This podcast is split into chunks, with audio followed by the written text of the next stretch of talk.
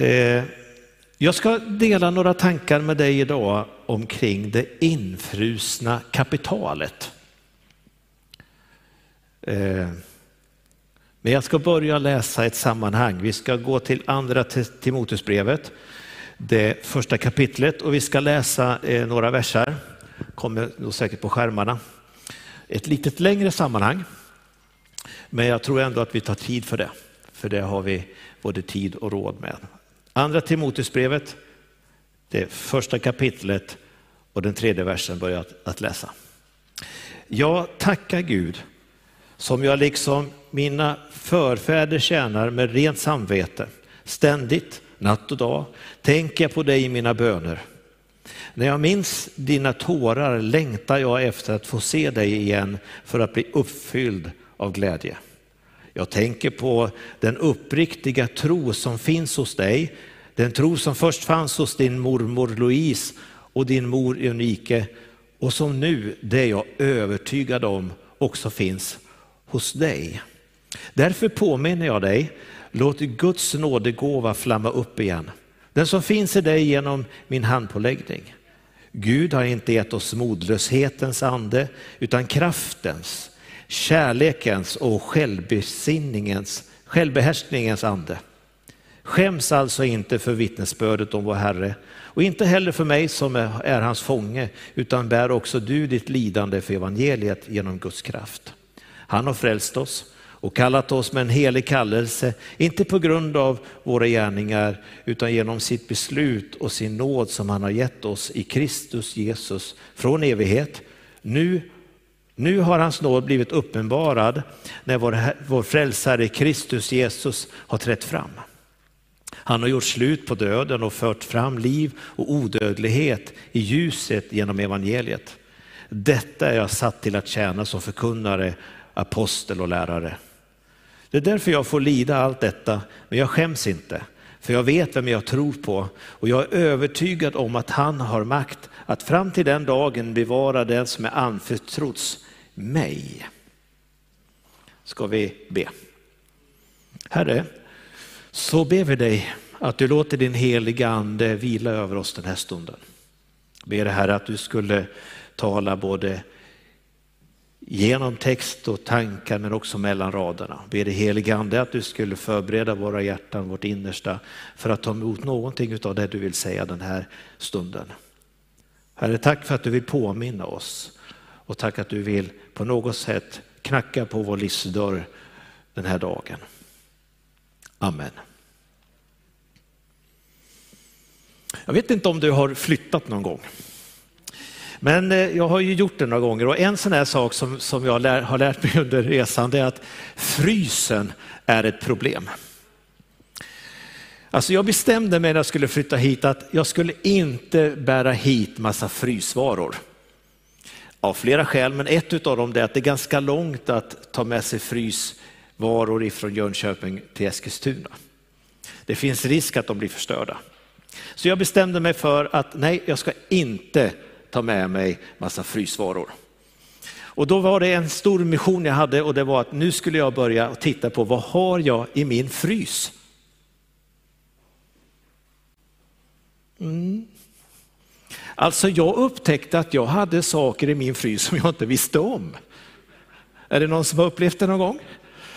Ni vet det där som ligger lite långt in, lite inbäddat i frost, ja det har ju inte ni naturligtvis, men i min frys så var det lite för mycket frost. Så där inne hittade jag lite saker som jag mm, tänkte att det där visste jag inte om. Undrar när jag köpte det. Och det andra jag upptäckte, det var hemskast vad mycket jag hade i min frys. Alltså jag tyckte att jag liksom handlar det jag behöver och så äter jag upp det och sen så, nej inte. Jag upptäckte att jag hade klart mycket mer i frysen än vad jag trodde. Så jag bestämde mig för att nu skulle Peder Skog börja äta upp allt det där. Jag är inte i fryst form utan jag började att använda det. Det var en fördel faktiskt. Jag behövde inte alls springa till affären så ofta som jag brukade. Så jag liksom började använda den där frysta varorna och upptäckte att jag hade väldigt mycket infryst kapital i min frys.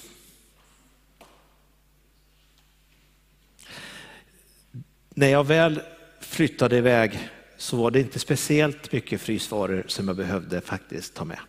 Utan var mest för att klara de första, eh, den första dagen typ. Den bilden började tala med mig. Vet du, jag tror att vi har en tendens att ha ett infryst kapital inom oss. Jag talar inte om pengar, jag talar om Guds gåvor som du har fått. Och som bara ligger där. Som kanske till och med är så infryst att du ser det knappt. Så när du börjar öppna på de där dörrarna igen så upptäcker du, oj, den gåvan har jag glömt. Jag skulle vilja ta med dig en liten stund omkring det den här förmiddagen. Det finns många olika gåvor som Bibeln talar upp och jag tänker inte gå in och djupt och loda ner mig nu i alla de här olika gåvorna. Det får, det får någon annan göra när han kommer tillbaka från semestern tänker jag. Inga namn nämnda.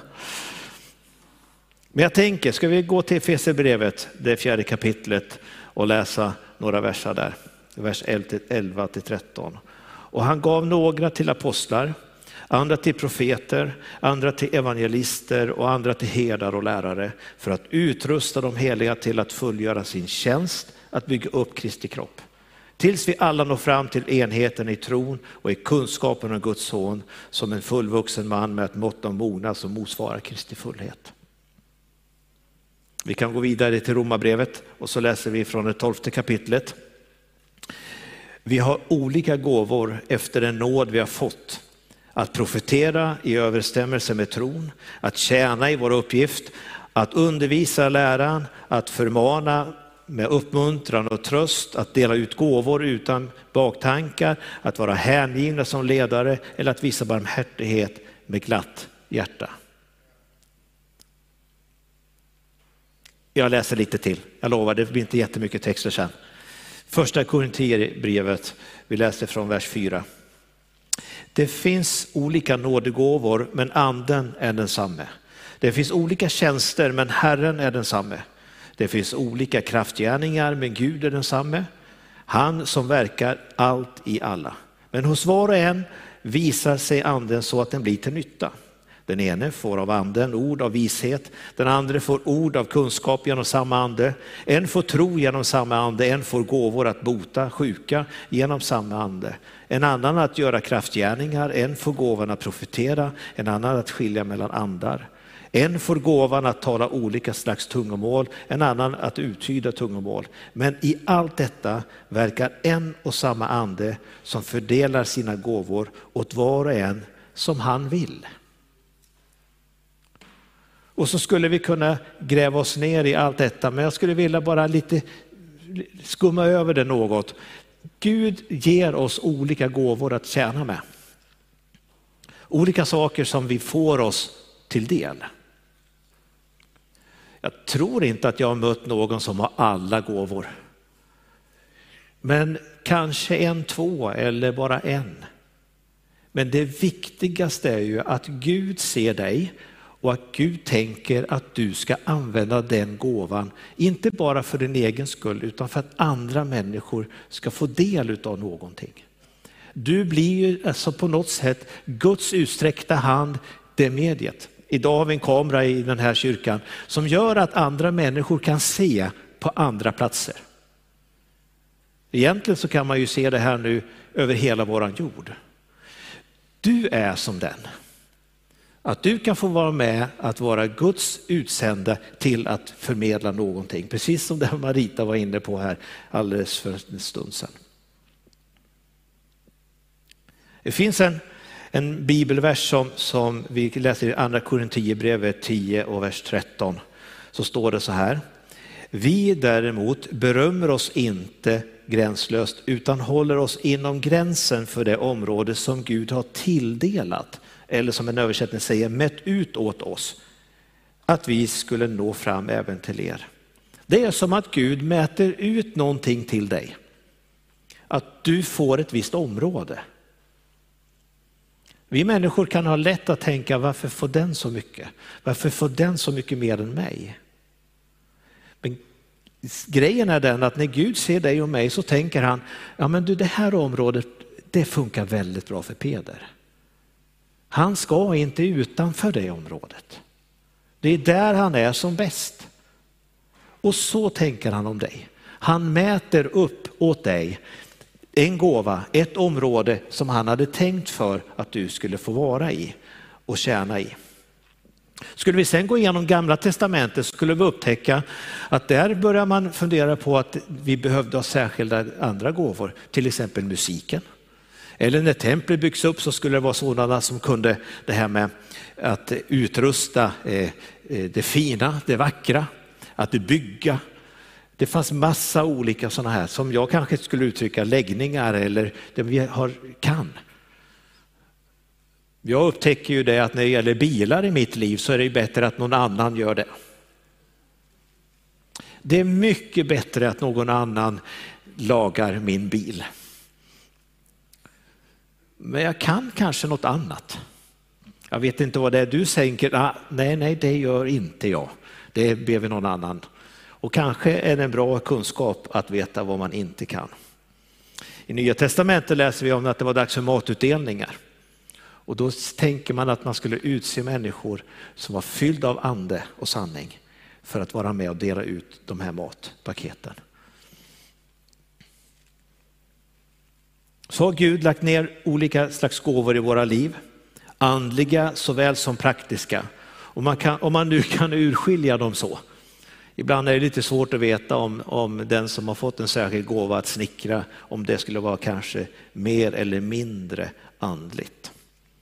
Jag tänker att när gåvan du har fått får vara parad med Guds ande så blir den andligt uppdrag.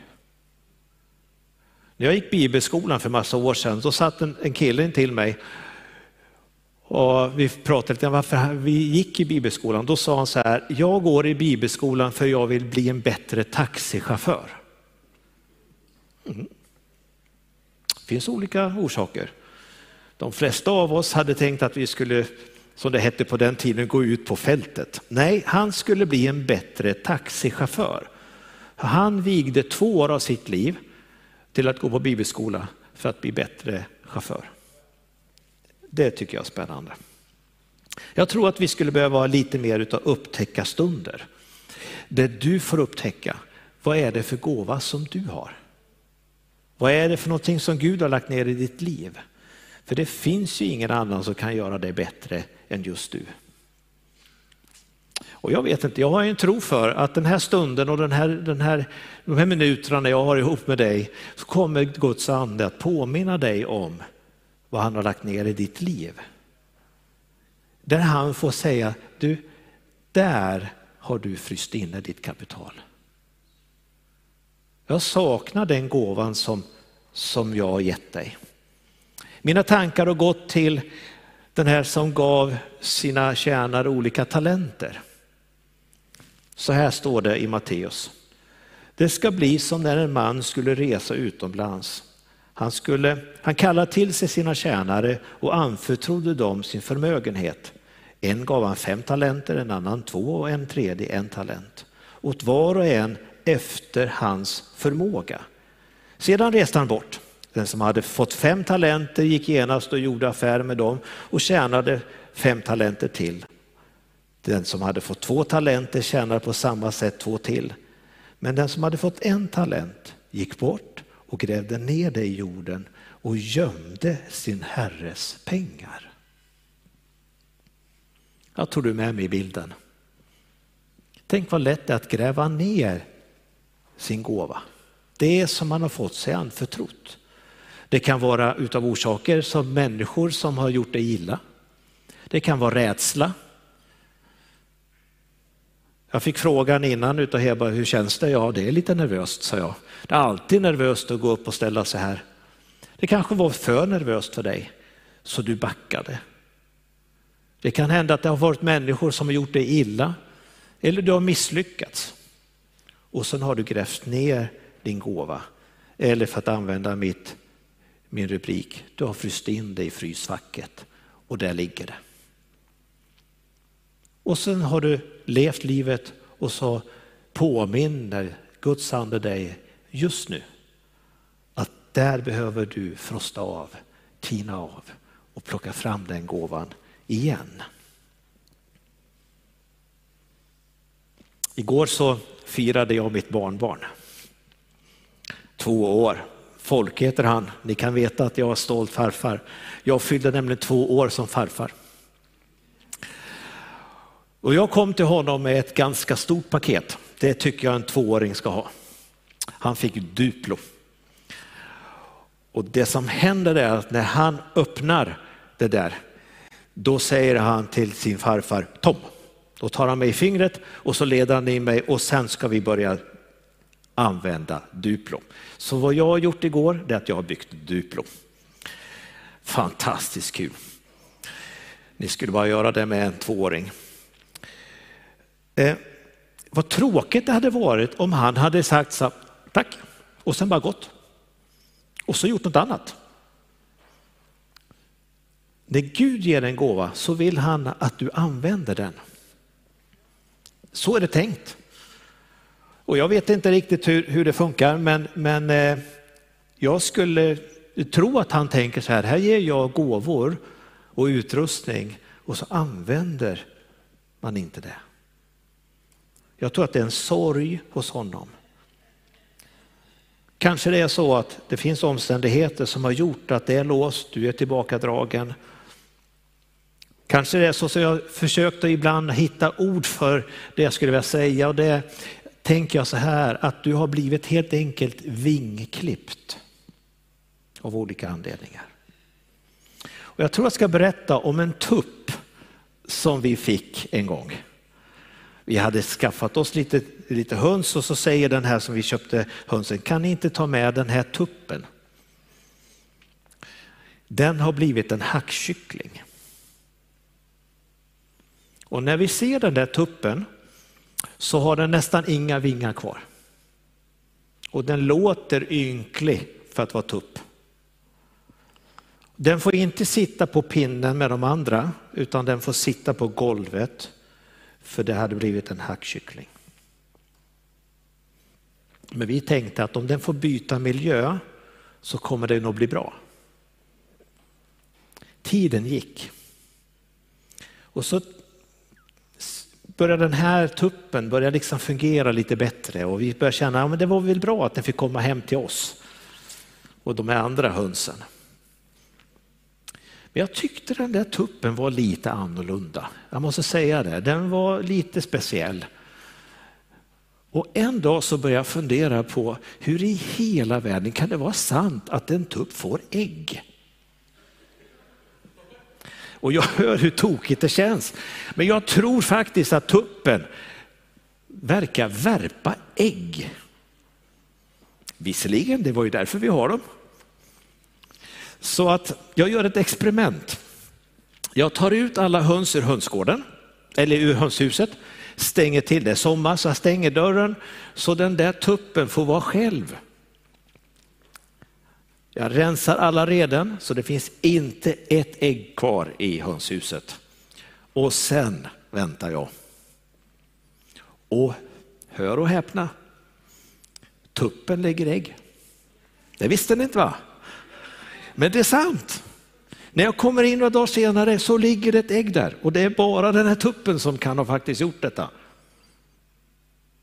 Och då inser jag att det var en höna som hade fått blivit så mycket hackkyckling att hon hade ändrat beteende så hon lät som en tupp, uppförde sig som en tupp. Men när hon fick komma i sitt rätta element och börja återhämta sig och få tillbaka sina vingar så visade det sig att hon var en höna. Och hon började låta som en höna och hon fick sitta på pinne med de andra. Jag vet inte om du upplever dig som en hackkyckling, att du är vinklippt. Men när du kommer i ditt rätta element så kommer din gåva att börja bli en. Jag säger inte att du kommer få ägg, men, du kommer i alla fall att komma i funktion. Och du vet att ibland tänker man så här, ah, men jag är inte god nog, jag kan inte det här. Andra, andra, alltså, han är så bra, pastorn Kalle här. Jag är ingenting. Vet du, jag tror att Gud säger till dig, du är good enough. Du är good enough. Du är god nog för den gåva som Gud har lagt ner i ditt liv. Jag skulle önska att du kunde ta med dig den. I. Vad var det vi läste? Blås liv, låt det flamma upp. Jag såg elden framför mig, ni vet när man har varit ute på hajk och så börjar den dö liksom och så börjar man blåsa på den där elden. Man tillför lite torrt sådär och helt plötsligt så det bara flammar upp och så har du den där elden igen. Blås liv, väck liv som texten också uttrycker det. Du liksom får fart på den igen. Kanske är det en gång den har slocknat för dig. Kanske är det två gånger, tre gånger. Men du vet, Gud, han tänker inte så att, ah, ja, nu har det varit tre gånger, nu får det vara. Gud ångrar aldrig sin gåva. Utan han vill påminna dig igen och igen. Blås liv, få fart på den. Igen. Är det så att det ligger i ditt frysfack där hemma så är det dags att plocka fram, tina upp den och tillaga den igen. Du har fått den. Jag sa alldeles tyst, Gud ångrar aldrig sin gåva. Du har fått den. Det är tänkt att du ska använda den. Därför påminner han om och om igen. Blås liv, blås liv, blås liv. När du tappar konceptet igen, då säger han igen, blås liv. Låt det få flamma upp igen. Den finns inom dig. Och när jag satt och läste de här texterna så insåg jag att det står inte som fanns hos dig, utan det står som finns i dig. Alltså det är redan nedlagt. Du behöver inte jaga efter det igen. Du behöver liksom inte, Gud tror på dig. Det är därför du har fått gåvan. Det är hans beslut. Han har kallat dig. Han har nämnt dig vid namn. Och så har han tänkt att du ska använda den gåva som du blir påmind om just nu. En helig kallelse. Du är utrustad. I Johannes 15 och 16 så står det så här. Ni har inte utvalt mig, utan jag har utvalt er och bestämt er till att gå ut och bära frukt. Och er frukt ska bestå. Då ska Fadern ge er vad ni än ber honom om i mitt namn. Det här ordet bestämt ligger en kraft i. Det ligger i, ett, i en utrustning. Att han inte bara liksom har liksom domderat över dig och sagt du ska du. Utan det finns en möjlighet. Han har utrustat dig med, han har bestämt att du ska bära frukt. Det liksom ligger i kallelsens kraft. Det finns en inneboende kraft. Och så läste vi i vers 14, bevara det som anförtrotts dig. Jag vet inte, jag tror att du har någon i din, i din omgivning som du har särskilt förtroende för. Någon som du kanske ser upp till eller någon som du tänker lite grann extra för. När texten talar om att det är anförtrott så säger han att med förtroende överlämnat. Så när han kom med den här gåvan till dig, vad det nu är för någonting som du har som gåva, så hade han förtroende för att du skulle ha den. Han gav inte dig någonting som någon annan skulle ha, utan det var ju du som skulle få den. Han anser att du är pålitlig uppdraget. Han tänker gott om dig. Och genom den heliga ande så får vi bevara det som anförtrotts. För mig blir det liksom så att jag kan inte bara slänga iväg gåvan, utan det är en respekt i att Gud har funnit dig förtroende värd att ge dig en gåva som du ska tjäna i. Och om det är att vara profet eller att vara musiker eller att vara duktig på något annat, det, det får du lyssna till. Vad har du fått? Jag bara zappade in på en av kanalerna hemma och så sa de så här, i regnskogens mångfald finns det alltid något träd som bär frukt. Och ibland är det så att du kan vara framme eller sen någon annan behöver backa tillbaka. Det är en bra bild på församlingen tänker jag. Vi har många olika gåvor och genom tiderna så är det alltid någon som bär frukt, någon som tar, får använda sin gåva när någon annan behöver vila. Det är gott. Nu ska vi landa. Nu ska vi bara få, få landa lite grann i det jag har försökt att förmedla till. Vad har du fått i ditt liv? Vad är det som du påminns om som Gud har lagt ner i ditt liv? Vad är det för gåva som, som har blivit infryst? Som ligger långt in i frysfacket som du nästan har glömt bort?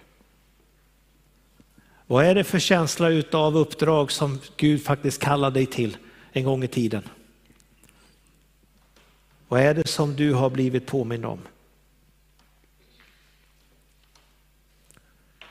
Vad var det som gjorde att din frimodighet dog? Vad var det som gjorde att du blev inklippt? Var det människor i din omgivning? Var det någonting som var en yttre påverkan som förstörde för dig? Jag skulle önska att du kunde lägga det åt sidan och låta dig få komma ut i frihet igen. Blås liv. Låt det flamma upp igen. Vi ska ta en stund då där vi bara får, får kom, där vi bara får, får landa i den här känslan av att Gud, vad talar du med mig om? Vad påminner du av den där gången då någon la handen på dig och du skulle få en gåva? Vad påminner han om dig? Det finns en tanke med gåvan och det är att just du som har den gåvan ska få komma ut i frihet. Att du ska få börja tjäna i den. För det är ingen annan som kan göra det bättre än du. Vad har du? Behöver du blåsa liv? När vi har sjungit här så, så kan du gå in till sidosalen här så kan du få förbön om du vill. Vi kommer göra det säkert för, för under pandemin, men bara att vi får kanske stå omkring dig och be för dig en stund. Du som finns hemma, du kanske bara får stanna upp en liten, liten stund och låta Guds ande tala rakt in i ditt rum där du finns. Och så får det bli det ett möte mellan dig och Gud. Och där du får bestämma dig för att nu tar jag ut steget en gång till. Jag skulle bara vilja uppmuntra dig, våga en gång till. Hur fel det än har gått, hur tokigt den gick, folk kanske skrattade åt dig. Kanske var det så att du skrattade åt dig också. Jag skulle bara önska att du vågade en gång till. Låt oss bara vara stilla och sjunga tillsammans och be.